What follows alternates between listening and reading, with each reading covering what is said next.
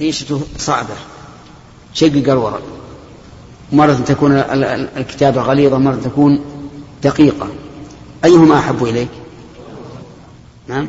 الأول تحبه جمال. ساعة كل يوم تخبط عليك. وتؤذيك. وتغرك في الوقت. مرة تقدم ومرة تأخر. وساعة أخرى مضبوطة. ولم ترى منها شيئا. أيهما أحب إليك؟ الثانية. حتى البهائم. نرى البعير يحب صاحبه ويأوي إليه و ولا يحب الآخرين. أليس كذلك؟ ونرى أيضا أن, أن, أن الإنسان يحب هذه البعير بعينها ولا يحب الأخرى. لأن الأخرى صعبة وهذه سهلة ذلول. فإذا انتقض كلامهم وقياسهم لأن المحبة لا تكون إلا بين شيئين متجانسين طيب هل هم ينكرون المحبة إنكار جحود أو إنكار تأويل؟ إنكار تأويل. لأنهم لو أنكروها إنكار جحود لكفروا. لو قالوا الله لا يحب فهذا كفر لكن يقول هو يحب ومعنى المحبة كذا وكذا فما معنى المحبة عندهم؟ يقول المحب يقولون المحبة إما الثواب وإما إرادة الثواب. إما الثواب وإما إرادة الثواب. الثواب مخلوق منفصل بائن عن الله. ولا أحد ينكره. كل يقول المخلوقات الثابتة الله الذي الله هو الذي خلقها أو إرادة الثواب والإرادة صفة. لكن الأشاعرة يقرون بإثبات الإرادة. يقرون بإثبات الإرادة بالله عز وجل. فيفسرون المحبة إما بالثواب وهو منفصل بائن عن الله مخلوق وإما بإرادة الثواب والإرادة وإن كانت صفة للمريد لكن هم يثبتون صفة الإرادة لأن العقل عندهم دل عليها. العقل دل على الإرادة على ثبوت الإرادة لله عز وجل. كيف دل العقل على الإرادة عندهم؟ قالوا تخصيص المخلوقات بما تختص به يدل على الإرادة. يعني جعلوا السماء سماء والأرض أرضا والبعير بعيرا والشاة شاة. هذا يدل على إيش؟ على الإرادة. أراد الله أن تكون السماء سماء على هذا الوجه فصارت كذلك وكذلك الأرض وكذلك البعير وكذلك الشاة. ونحن نوافقهم أن الإرادة دل عليها الشرع والعقل. لا نرد الحق من أي إنسان. لكن كوننا نجعل المحبة بمعنى الإرادة خطأ. المحبة أعلى وأعظم من الإرادة. المحبة أعظم وأعلى من الإرادة. وتجد الفرق بين أن تقول لشخص إن الله يحبك أو تقول لشخص إن الله يريد أن يثيبك. أيهما أعظم؟ الأولى أعظم وأشرح للصدر وأطمن للقلب وأرضى للنفس. فكيف ننكر المحبة ونثبت الإرادة؟ على كل حال الحديث هذا يدل على إيش؟ إثبات المحبة لله عز وجل لقول إن الله يحبه. وهذا قد جاءت جاء ذلك في الكتاب والسنة.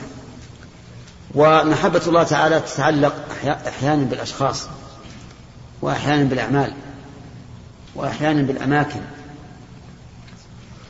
وأحيانا بالأزمان والأوقات. تتعلق بالأشخاص مثل هذا الحديث أخبروه أن الله يحبهم. وتتعلق بالأعمال كقول النبي صلى الله عليه وسلم أحب الأعمال إلى الله الصلاة على وقتها. وتتعلق بالأوصاف. إن الله يحب المحسنين.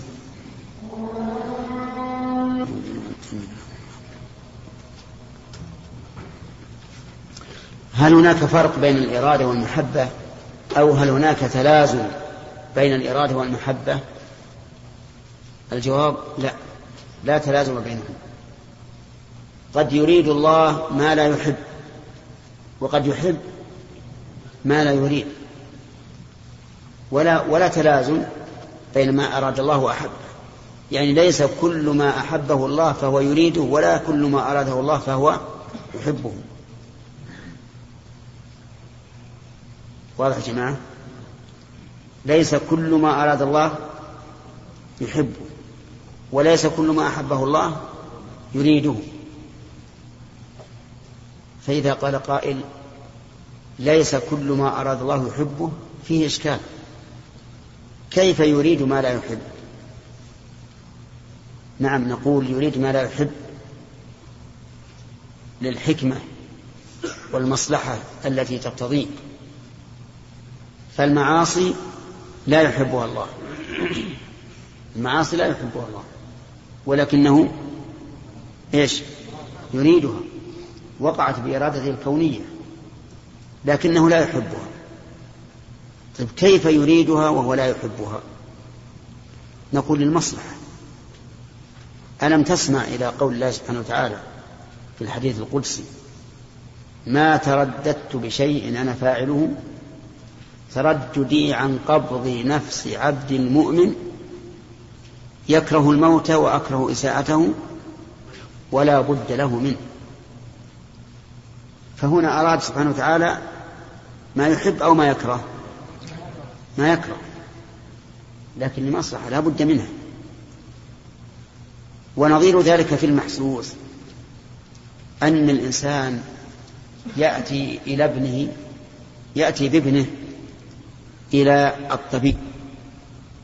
فيقرر الطبيب أنه لا بد من كيه بالنار. فيحمل الحديدة حتى تكون جمرة ثم يكوي بها ابن الرجل. وهل الرجل يحب أن يحرق ابنه بالنار؟ لا. يكره ذلك لا شك. لكن أحب إحراقه بالنار من أجل مصلحة أعظم من ذلك وهو شفاء الولد.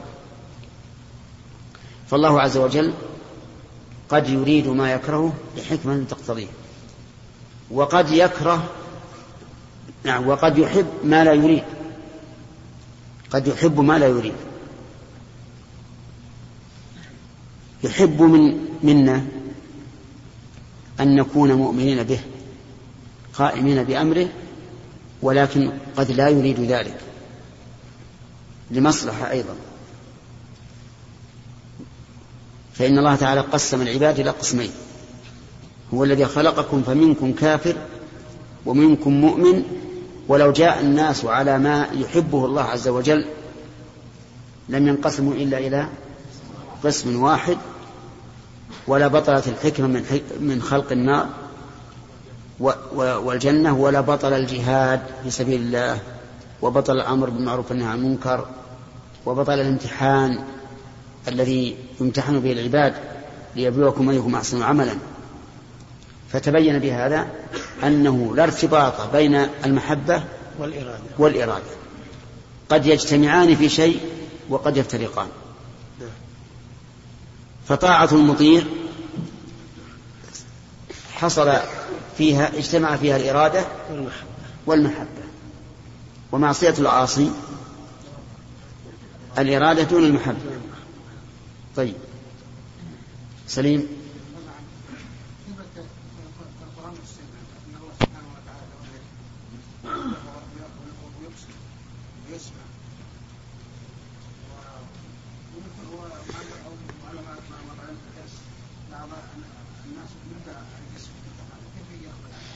كيف؟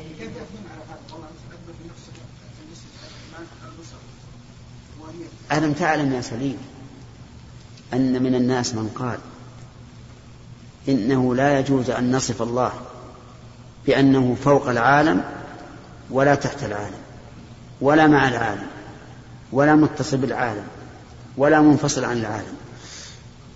في ناس قالوا هذا. قال لا يجوز أنك تقول الله فوق ولا تحت ولا يمين ولا يسار ولا في العالم ولا ولا ولا متصل ولا منفصل. وش يصير؟ معدوم. وش يصير يا سليم؟ هو كذب معلوم لكن على رأيهم هل أثبتوا معبودا؟ ما أثبتوا لا معبودا ولا ربا. فالحمد لله الذي هدانا للحق. نعم. نعم.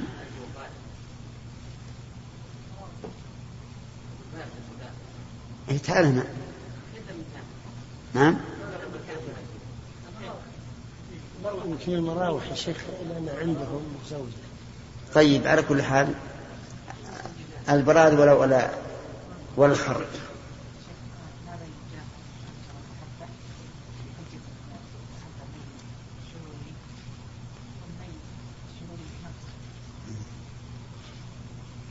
هل هل هل المحبة ميل يعني عقيل؟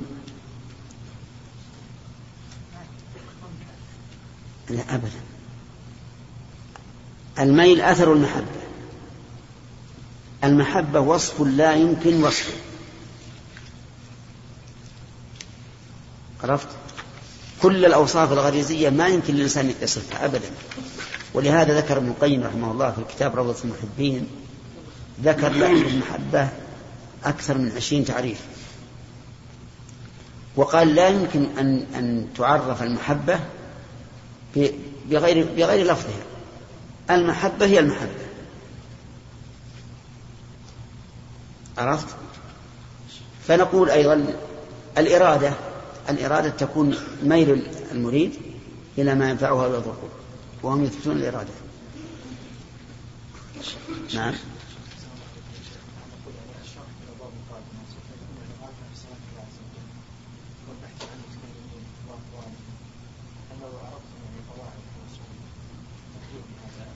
هذا ذكرنا الآن طبعا. هل هل نقول إن الله صفة؟ هذه هذه قاعدة. قاعدة. أن أن الله تعالى صفة وله أسماء.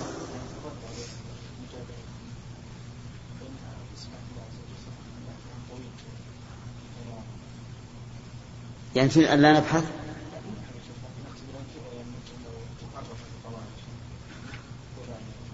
ما يمكن ما دام نبي نمشي على الأحاديث كيف نضع قواعد؟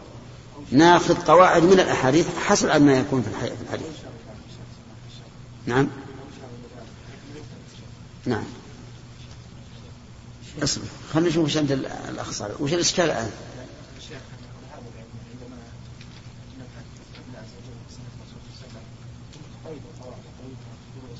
هذه إذا مر علينا في الحديث إذا مر علينا لا بأس.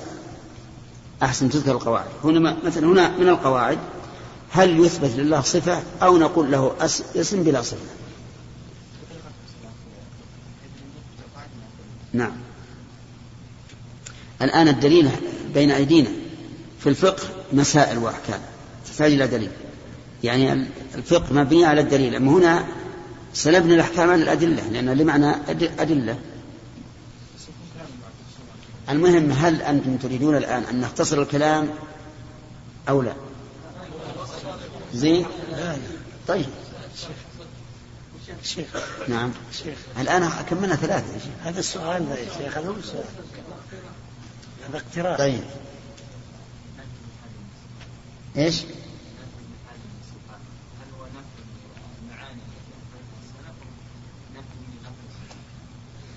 نفي ابن حزم لا يقول الصفة الصفة. لا تقل لله صفة. لا تقل له صفة. قل له اسم ولا تقل له صفة لأن هذا محدث.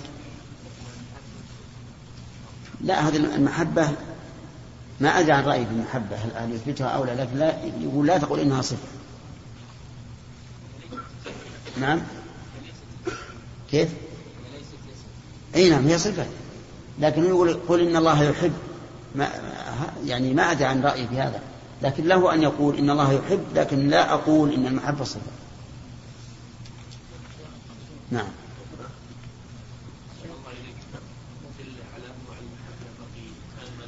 طيب. آه، ذكرنا المحبة تتعلق بالأشخاص تتعلق بالأعمال تتعلق بالأوصاف وتتعلق بالأماكن. مثل قول الرسول عليه الصلاة والسلام أحب البقاع إلى الله مساجدها وأبغض البقاع إلى الله أسواقها. أحب البقاع إلى الله مساجدها. وقال الرسول عليه الصلاة والسلام عن مكة إنك لأحب البقاع إلى الله. هذا تتعلق المحبة بإيش؟ بالأماكن. أما الأزمان فربما يستدل لذلك بقول النبي صلى الله عليه وسلم ما من أيام العمل الصالح فيهن أحب إلى الله من هذه الأيام العشر يعني عشر ذي الحجة. وقد يقال إن هذا من باب تعليق المحبة في العمل في هذا الزمن. بالعمل في هذا الزمن فلا يتم الاستدلال. نعم. لا أخذنا ثلاثة ما أخذنا حديث واحد الآن. لا لا. قالوا على الأصل ثلاثة. باب ق... باب قول الله تبارك وتعالى قل ادعوا الله أو ادعوا الرحمن أيما تدعو فله الأسماء فله الأسماء الحسنى. حدثنا محمد بن سلام قال أخبرنا أبو معاوية عن الأعمش عن زيد بن وهب وأبي, ضبي وأبي ظبيان عن جرير بن عبد الله قال قال رسول الله صلى الله عليه وسلم لا يرحم الله من لا يرحم الناس. يرحم. من لا يرحم الناس. قال يقول البخاري رحمه الله باب قول الله تعالى قل ادعوا الله أو ادعوا الرحمن أيا ما تدعو فله الأسماء الحسنى ذكر أن سبب نزول هذه الآية أن قريشا سمعوا النبي صلى الله عليه وآله وسلم يقول يا الله يا رحمن. فقالوا هذا الرجل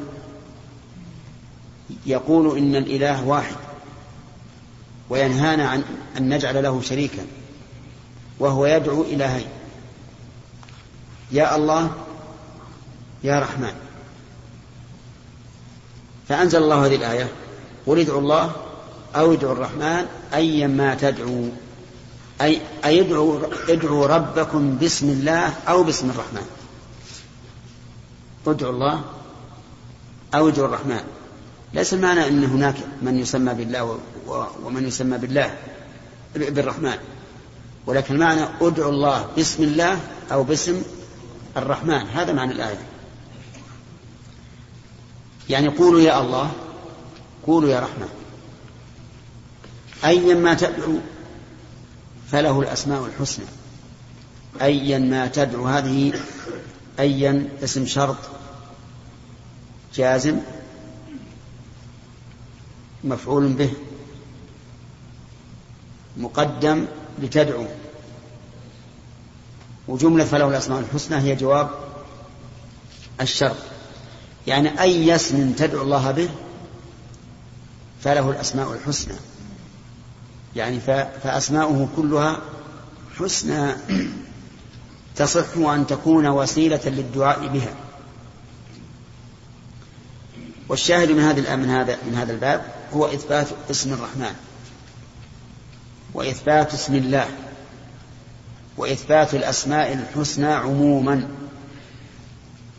أما أما اسم الله واسم الرحمن فهو نص وتعيين وأما الأسماء الحسنى فهي عامة.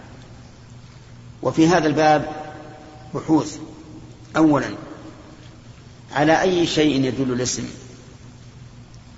نقول كل اسم من أسماء الله فإنه يدل على شيئين على الذات المقدسة وعلى الصفة التي اشتق منها. فكلمة الله تدل على الرب عز وجل. وعلى الصفة التي اشتق منها وهي الألوهية. الرحمن تدل على ذات الله عز وجل وعلى الصفة التي اشتق منها وهي إيش؟ الرحمة. هذه قاعدة. كل اسم من أسماء الله يدل على شيئين. أولا الذات والثاني الصفة وإن شئت فقل الوصف الذي اشتق منه هذا الاسم. وهل يدل على أكثر من ذلك؟ نعم. ربما يدل على أكثر من صفة. باللزوم. لا بالتضمن. مثال ذلك قوله تبارك وتعالى هو الله الخالق البارئ الخالق. دلت الخالق على ذات الله وعلى وصفه بالخلق ودلت على علمه وعلى قدرته. كيف دلت على علمه وقدرته؟ وهي ليس فيها علم ولا قدرة. نقول لأن من لازم الخلق إيش؟ العلم والقدرة. إذ مع الجهل لا يمكن أن يخلق ومع العجز لا يمكن أن يخلق. فالاسم كل اسم من أسماء الله يتضمن شيئين أولا الذات والثاني الوصف الذي اشتق منه ذلك الاسم ثم قد يدل على صفة أخرى ثانية وثالثة ورابعة عن طريق إيش؟ عن طريق اللزوم ثانيا كل أسماء الله حسنى. ولهذا قال الله تعالى فله الأسماء الحسنى والحسنى اسم تفضيل اسم تفضيل. يقابله في المذكر أحسن. ويقال رجل أحسن وامرأة حسنى. وهنا قال الأسماء الحسنى فجعلها فجعل الوصف وصف المؤنث لأن الأسماء جمع. والجمع يوصف بماذا؟ يوصف بالمؤنث. إلا جمع العاقل فيوصف بحسب ما يقتضيه. المعنى إن كان لذكور فجمع مذكر سالم وإن كان لإناث فجمع مؤنث سالم. أما غير العاقل فإنه يجمع وصفه على على جمع المؤنث. إذا أسماء الله تعالى كلها حسن والحسنى هي المشتملة على أكمل وجوه الحسن المشتملة على أكمل وجوه الحسن فهي حسنى ليس فيها نقص بوجه من الوجوه فيفهم من هذه القاعدة أنه لا يوجد في أسماء الله اسم يحتمل معنيين. معنى حسن ومعنى غير حسن. انتبهوا لهذا. كل أسماء الله لا بد أن تكون حسنى أي بالغة الكمال. في الحسن فلا يمكن أن يوجد فيها اسم يحتمل معنى حسنا ومعنى غير حسن. ولهذا لم يكن من أسماء الله المتكلم ولا من أسمائه المريد مع أنه متكلم مريد. قال العلماء لأن المتكلم من قام به الكلام. والكلام قد يكون حسنا وقد يكون سيئا. وكذلك الإرادة. ولهذا لا يصح أن يسمى الله بالمتكلم ولا أن يسمى الله بالمريد. لكن يوصف بأنه متكلم وأنه مريد لأن باب الإخبار أوسع من باب التسمية. لأن التسمية إنشاء إنشاء تنشئ اسما للمسمى الذي تريد أن تسميه لكن الإخبار مجرد خبر. ليس بإنشاء. ولذلك قالوا الإخبار أوسع من الإنشاء. فقد يخبر عن الشيء بشيء ولا يسمى به مثل المتكلم. وحينئذ يمكن أن نقسم ما يضاف إلى الله عز وجل إلى أربعة أقسام. ما تضمن كمال الحسن فهذا يكون من إيش؟ من أسمائه.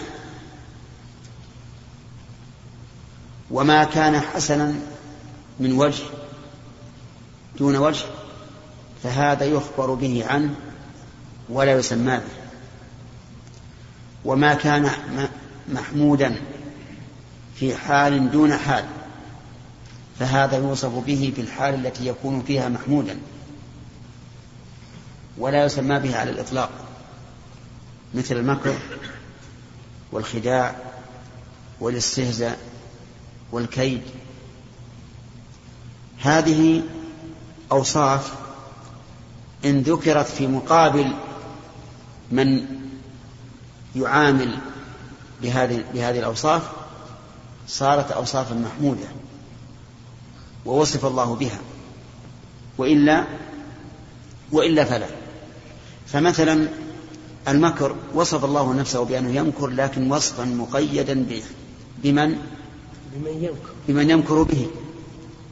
فقال يمكرون ويمكر الله. والله خير الماكرين. فلا يصح أن تقول إن الله ماكر وهذا هو الفرق بين هذا وبين قولنا إن الله متكلم. لأننا لأنه يجوز أن تقول إن الله متكلم على وجه الإطلاق لكن لا يجوز أن تقول إن الله ماكر إلا إذا قيدته. فقلت ماكر بمن؟ يمكر. يمكر به. لأن المكر لا يكون مدحا إلا حيث كان في مقابل مكر آخر ليتبين به أن قوة الله عز وجل أقوى من مكر هذا الماكر. وكذلك نقول في الخداع. يخادعون الله وهو خادع. فلا يصح أن تصف الله بأنه خادع أو مخادع على وجه الإطلاق. قل خادع من يخادعون. يخادعون الله وهو خادعهم. كذلك المستهزئ. لا يصح أن نقول إن الله مستهزئ على سبيل الإطلاق بل نقول مستهزئ بمن يستهزئ به وكذلك الكيد. نقول إن الله لا يكيد لأحد لا يكيد على أحد إلا من كاد عليه إنهم يكيدون كيدا وأكيد كيدا. القسم الرابع ما لا يصح أن ينسب لله إطلاقا. وهو ما تضمن نقصا مطلقا. فهذا لا يصح أن أن يضاف إلى الله إطلاقا. مثل الخائن والعياذ بالله. هذا لا يمكن أن أن تصف الله به مطلقا.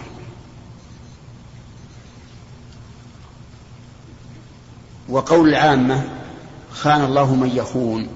خطأ فادح. وغلط. ولهذا لما ذكر الله خيانة أعدائه لم يذكر خيانته لهم فقال ذلك بأنهم خانوا الله من قبل. فإيش؟ فأمكن منهم ولم يقل فخانوا. لكن في الخداع قالوا خادعون الله وهو خادعهم. فإذا قال قائل ما الفرق بين الخيانة والخداع؟ وبين الخيانة والخداع؟ قلنا الفرق بينهما ظاهر. الخيانة أن تخون الأمانة في من ائتمنك والخداع أن تخادع من خادعك وبينهما فرق. يظهر بالمثال يقال إن الحرب خدعة الحرب خدعة. والحرابة في مقابلة من؟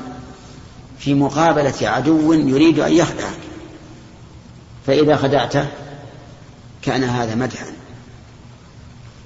لكن الخيانة لا يمكن أن تخون من ائتمنك. إذا خنته فأنت أتيت ما يقدح فيك. لأن الذي ائتمنك لا يريد أن يريد لا يريد بك سوءا. بخلاف المحارب ولهذا يحرم علينا إذا استأمننا أحد من المشركين يحرم علينا أن نخون أمانته. بل يجب علينا حمايته. يذكر أن علي بن أبي أن علي بن أبي طالب أراد أن يبارزه عمرو بن ود. وتعرفون المبارزة؟ نعم. المبارزة إذا التقى الصفان في الحرب طلب الشجعان في هؤلاء وهؤلاء أن يبرز بعضهم لبعض. وفائدة المبارزة أنه إذا قتل أحدهما الآخر صار في هذا قوة وتشجيع لمن؟ لأصحاب القاتل. وانهزام لأصحاب المقتول. فلهذا كانوا يستعملون هذا في الحرب لما خرج عمرو بن ود إلى علي بن أبي طالب رضي الله عنه صاح به علي صاح به وقال ما خرجت لأبارز رجلين. وهذا صحيح ولا غير صحيح؟ لا غير صحيح لا ما خرج ليبارز رجلين. فظن عمرو بن ود أن أنه أنه لحقه رجل آخر. فالتفت فضربه علي حتى أبان رأسه عن جسده. نعم. هذا خداع. لكنه خداع جائز ولا غير جائز؟ لأن عمرو بن ود خرج ليقتل علي. ليقتل عليا فخدعه. فهذا الخداع يعتبر مدحا وثناء. فهؤلاء المنافقون الذين يخادعون الله خدعهم الله عز وجل. فيعتبر هذا الخداع مدحا لكن الخيانة ليست بمدح لأنها الخيانة خديعة في محل الأمانة وهذا ذنب فلا تجوز على الله عز وجل. فصار ما ينسب ويضاف إلى الله ينقسم إلى أربعة أقسام أسماء وهذه كلها متضمنة لأحسن الكمالات والثاني أوصاف يخبر بها عنه ولا يسمى بها. والثالث أوصاف يوصف بها مقيدة. والرابع أوصاف لا يوصف بها مطلقا فإن وصف بها كان ذلك عدوانا وظلما. اليهود قالوا إن الله إن الله فقير. هل يصح أن يوصف الله بالفقر؟ لا. قالوا يد الله مغلولة بخيل. وهذا لا يمكن أن يوصف به لأنه نقص بكل حال. نأتي إن شاء الله بقية القواعد في هذا الباب. نسأل الله لنا ولكم العلم النافع نظرا لأهمية التوحيد ونظرا لأنه لأن كتاب فتح الباري متداول بين طلبة العلم ولأن الحافظ رحمه الله رحمه الله عنده بعض الهنات في بعض المسائل فنرجو التكرم بالتعليق عليه وتصريح ما فيه بالإضافة إلى تعليقكم على الأحاديث. وهذه رغبة رغبة غير واحد من الطلبة. يعني يبينا نقرأ فتح الباري نعم. هذا لا بأس. إذا كان يريد أن يريد أن نبقى عشر سنوات لا مانع. نعم. توافقون على هذا نعم يعني الله أعلم أي. لو مقطع معين اذا تعلق عليه في بعض من الصفات هو على كل حال أنتم تراجعون الفتح ولا لا؟ خلاص اللي, اللي تقرؤونها اللي يشكل عليكم يبين إن شاء الله. نعم. هناك أحد العلماء يا شيخ. ها؟ هناك أحد العلماء تتبع الفتح. إيه، في كتاب صغير ما هو ما هو كبير كتاب صغير. نعم؟ ظهر بعضه فقط. عجيب. لا أنا عندي رسالة صغيرة كاملة. هذا يتتبع ويظهر ما من أول الكتاب؟ إيه طيب أجل نصب حتى نشوف طيب. يقول أحمد المزود مزور يقول قسم شيخ الإسلام الناس في الأسماء والصفات إلى ستة أقسام ولم يتضح أي من هذه الأصناف من هم المفوضة. ها؟ واضح.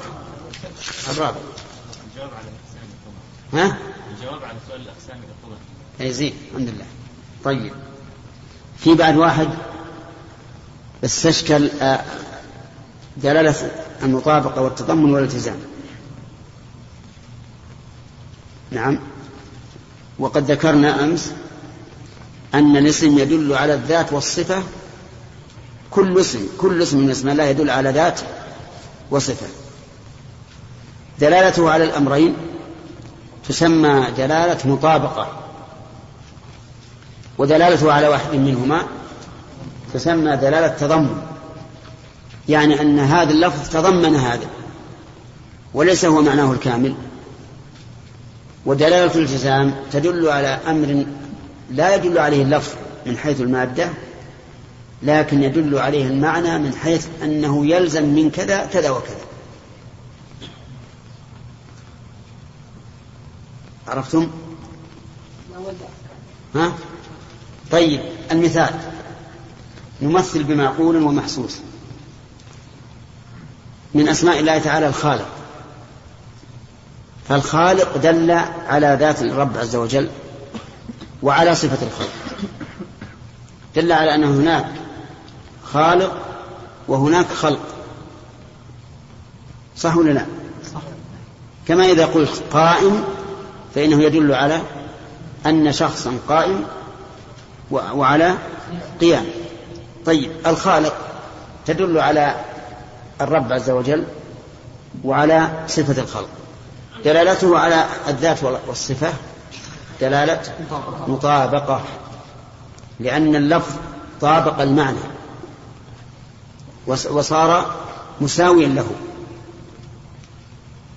كالطبق كالطبق على الصحن يساويه مطابقة. دلالته على واحد منهما. تضمن يعني مثل الخالق تضمنت الدلالة على على الرب عز وجل وتضمنت الدلالة على الخلق الذي هو الصفة. هل يمكن أن يكون خلق بلا علم ولا قدرة؟ لا. الجواب لا. من أين عرفنا أن الخالق يدل على صفتي العلم والقدرة؟ ها؟ طريق اللزوم. من لازم أن يكون خالقا أن يكون عالما قادرا. إذ الجاهل لا يمكن أن يخلق والعاجز لا يمكن أن يخلق. هذا مثال معقول. المثال المحسوس قلت هذا قصر. هذا قصر فلان. هذا قصر فلان. كلمة قصر تشتمل على كل هذه البناية. بما فيها من غرف وحجر وساحات وغير ذلك. ولا لا؟ نعم. تدل على هذا بإيش؟ مطابق. بالمطابق. قصر متضمن لكل ما فيه. وتدل على غرفة منه أو حجرة منه أو ساحة منه بإيش؟ بالتضمن. يعني أن من ضمن هذا القصر غرفة. من ضمنه حجرة من ضمنه ساحة. تدل على أن هناك بانيا. بنى هذا القصر. بإيش؟ باللزوم. يعني من لازم القصر المبني القائم أن يكون له باني. عرفتم؟ دلالة المطابقة والتضمن غالب الناس يفهمها ولا تشكل عليه. لكن دلالة اللزوم هي التي يختلف فيها العلماء اختلافا كبيرا بحسب ما أعطاهم الله تعالى من الفهم. لأن كونك تعرف أنه يلزم من كذا كذا وكذا هذا لا يدركه إلا الجهابذة ولهذا نقول كل اسم من أسماء الله يدل على ذات بعد وصفة وقد يدل على أكثر من صفة. عن طريق اللزوم عن طريق اللزوم. واضح؟ طيب. أظننا أخذنا عدة أبحاث في الأسماء. ممكن تعطونها بإيجاز. رؤوس أقلام علشان ما نكرر. على ذات وصفة. طيب. ها؟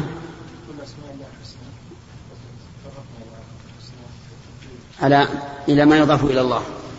طيب. نعم. أقسام ما يضاف إلى الله أربعة. بس؟ إيه هذه خارجة عن هذه خارج عن الأسماء. طيب نذكر الآن من قواعد الأسماء.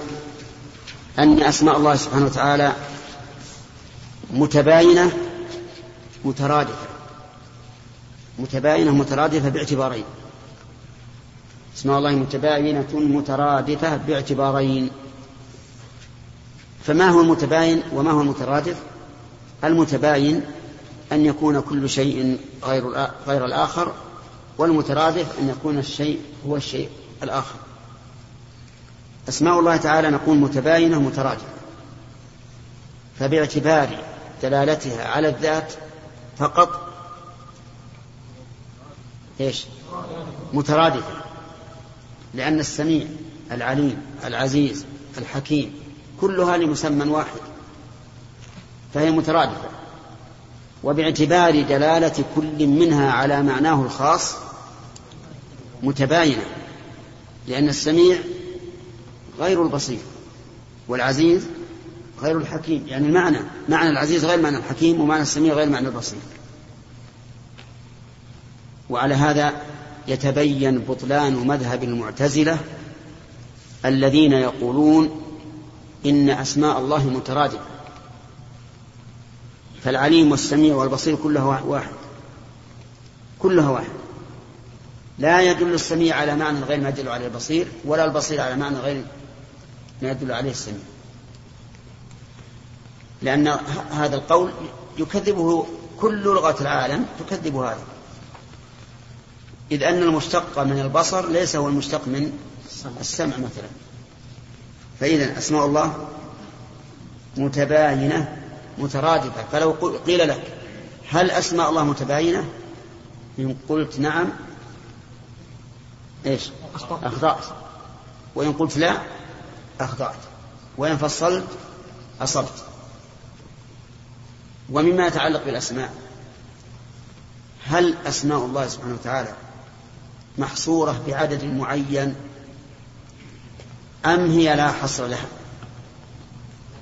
قال بعض أهل العلم إنها محصورة بتسعة وتسعين اسما. لأن الله وتر ولأن النبي صلى الله عليه وسلم قال إن لله تسعة وتسعين اسما من أحصاها دخل الجنة. فقال إن لله تسعة وتسعين اسما من أحصى هذه التسعة وتسعين دخل الجنة. وقال بعض العلماء إن أسماء الله ليست محصورة. ليست محصورة بعدد. واستدل هؤلاء بالحديث الصحيح حديث ابن مسعود حديث الهم والغم أن الإنسان إذا أصابه هم أو حزن أو غم دعا به. وفيه أسألك بكل اسم هو لك سميت به نفسك أو أنزلته في كتابك أو علمته أحدا من خلقك أو استأثرت به في علم الغيب عندك. الشاهد من هذا الحديث أو استأثرت به في علم الغيب عندك لأن ما استأثر الله به في علم الغيب لا يمكن إدراكه. لو أمكن إدراكه لم يكن الله مستأثرا به. وإذا لم يمكن إدراكه فإنه لا يحصر بتسعة وتسعين. وهذا القول هو الراجح أن أسماء الله غير محصورة. وليست كلها معلومة لنا. لأن الرسول يقول أو استأثرت به في علم الغيب عندك. يبقى أو تبقى الحاجة إلى الجواب عن قوله إن لله تسعة وتسعين اسما من أحصاها دخل الجنة. فنقول الجواب أن هذا الحديث جملة واحدة. جملة واحدة. إن لله تسعة وتسعين اسما موصوفة لأن من أحصاها من فضلك. اقلب الشريط. يعني وهناك أسماء أخرى لا علاقة لها بهذا الحكم.